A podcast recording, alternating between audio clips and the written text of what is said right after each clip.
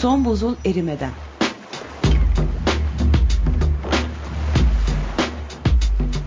Küresel iklim değişikliğinin bilimsel gerçekleri üzerine.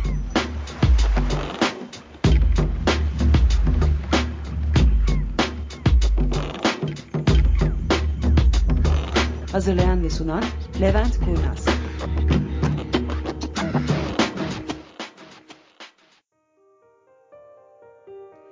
Herkese merhaba. Gezegenimizin sınırlarına çok yakın olmamız her geçen gün karşımıza yeni bir risk çıkartıyor. Bu risklerin önemli bir kısmı iklim krizi kökenli de olsa doğanın ürettiği sorunlar artık günlük yaşantımızı da etkiler hale geldi.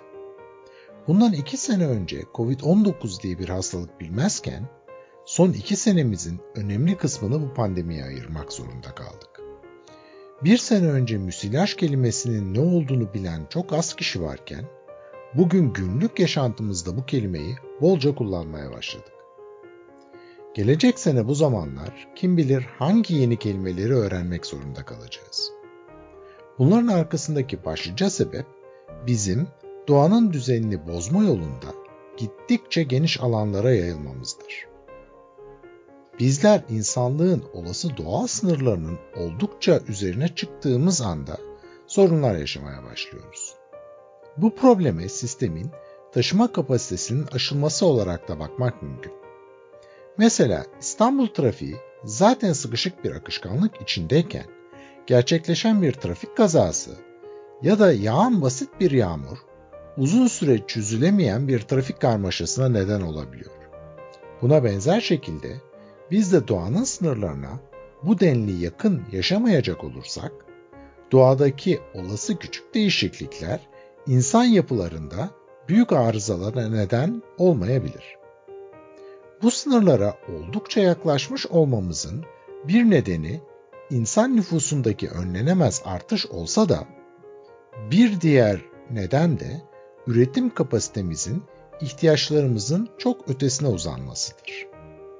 Özellikle iş dünyası açısından bakıldığında son senelerde stok tutmak önemli bir maliyet haline gelmiştir.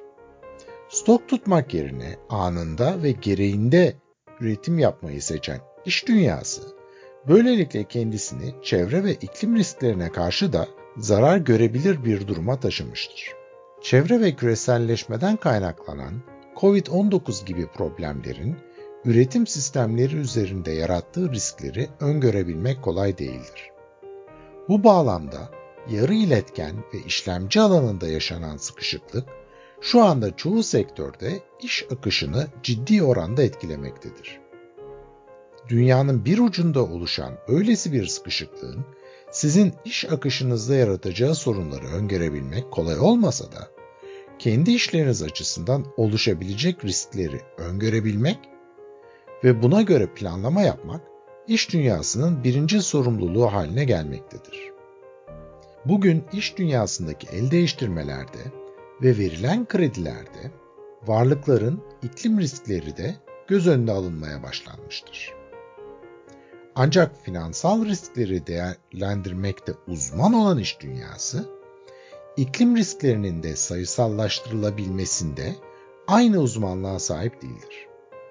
Bunun da ötesinde belirlenen risklerin yapılmakta olan işin esası ile ne derece ilişkili olduğu da ayrı bir karar verme noktası oluşturmaktadır. Gene de her gün artan iklim risklerine karşı duyarlılığı belirlemek her kuruluşun da önceliği olmak zorundadır. Ayrıca riskleri belirlemeye yönelik bu çaba eldeki üretim sisteminin ötesinde tüm tedarik zincirini de dikkate almak zorundadır. Gerek iş dünyası, gerekse de kamusal alandaki toplumu ilgilendiren riskleri belirlemek de, kıyaslamak da kolay değildir. Bunun nedenlerini günlük yaşantımızda sıklıkla görüyoruz. Mesela 2009 senesinde Ayamama Deresi'nde yaşadığımız sel felaketi, bir gece boyunca yağan aşırı yağışın bir sonucudur. 2017 Temmuz ayında İstanbul'da gördüğümüz aşırı yağış ve dolu olayı her ne kadar 17 dakika sürmüş olsa da 1 milyar Türk lirası üzerinde sigorta hasarına yol açmıştır. Dolayısıyla İstanbul ilinin son 10 yıllık aylık yağış ortalamalarına bakarak buradaki riski hesaplamak mümkün değildir. Elimizde aylık değil günlük istatistikler bile bulunsa, iklim değişikliği tüm bu istatistikleri değiştirir yönde çalışmaktadır. Ayrıca 2017'de olduğu gibi 17 dakikada meydana gelen bir yağışı günlük yağış miktarı olarak almakla 17 dakikada yağan yağış olarak almak arasında ciddi bir fark vardır.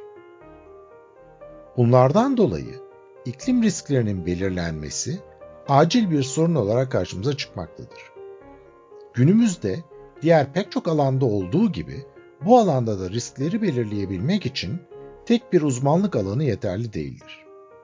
İklim faktörleri ile ilgili çıktılara hakim olmanın yanında risklerin belirlenmesinin gerekli olduğu alan konusunda da bilgili bir takımın birlikte çalışması gereklidir.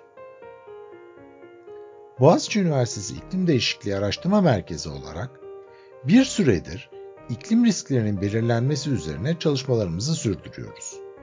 Özellikle tarım, ormancılık ve turizm alanında yaptığımız çalışmalar, geleceğe yönelik öngörüler geliştirme konusunda da merkezimize ciddi anlamda bir beceri kazandırdı. Son çalışmalarımızın odak noktasına ise genel anlamda iklim risklerini oturttuk.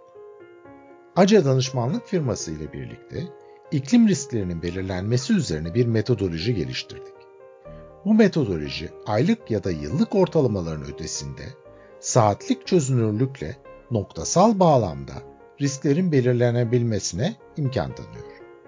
Varlıkların iklim risklerinin belirlenmesine yarayan iklim risk skoru şu bileşenlerden oluşuyor.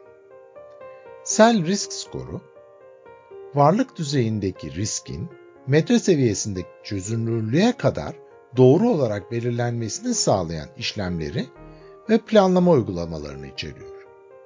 Sel risk skoru ayrıca olası risklerin azaltılması için atılması planlanan adımların varlık düzeyindeki planlama kararlarını deneyebileceğiniz ayrıntılı bir eğer analizini de olanak tanıyor. Rüzgar risk skoru kullanıcıların rüzgarla ilgili gelecekteki olası tehlikeli değişikliklere daha iyi hazırlanmalarını sağlıyor. Birden fazla endüstride kullanılmak üzere tasarlanan ve aşırı olayların geri dönüş sürelerine ek olarak bir eşik değerin üzerindeki saatler gibi bilgiler sunan bu çalışma rüzgar sektörü açısından önem taşıyor. Sıcaklık risk skoru, sıcaklık ve nemin birlikte etkisini ele alan ve ideal çalışma koşullarını belirlemekte kullanılan ıslak termometre sıcaklığına bağlı olarak gelecekteki aşırı sıcaklık olaylarını gör öngörmemizi sağlıyor.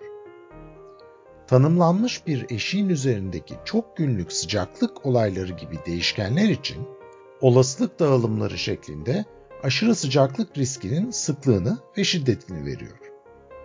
Yangın risk skoru, yüksek çözünürlüklü orman ve çalı yangını risk tahminleri ve planlama uygulamaları için bir karar destek sistemi üretiyor.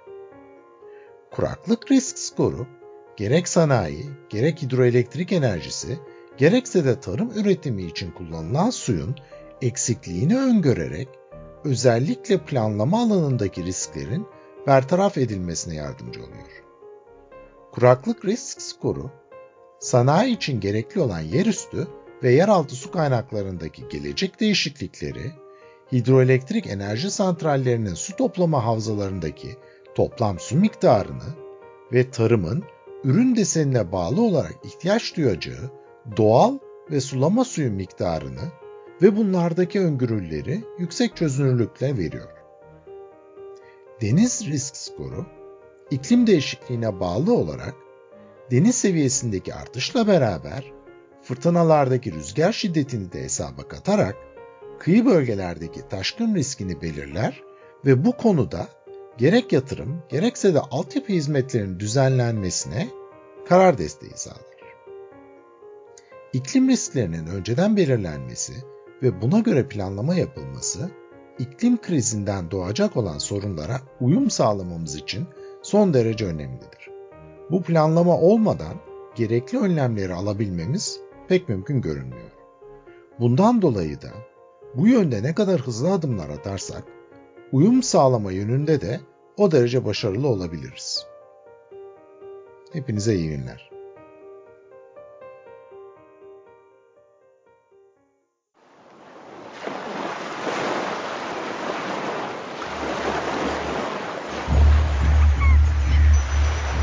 Son buzul erimeden.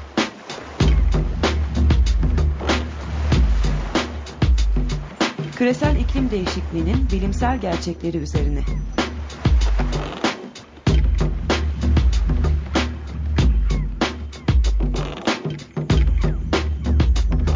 Hazırlayan ve sunan Levent Kurnaz.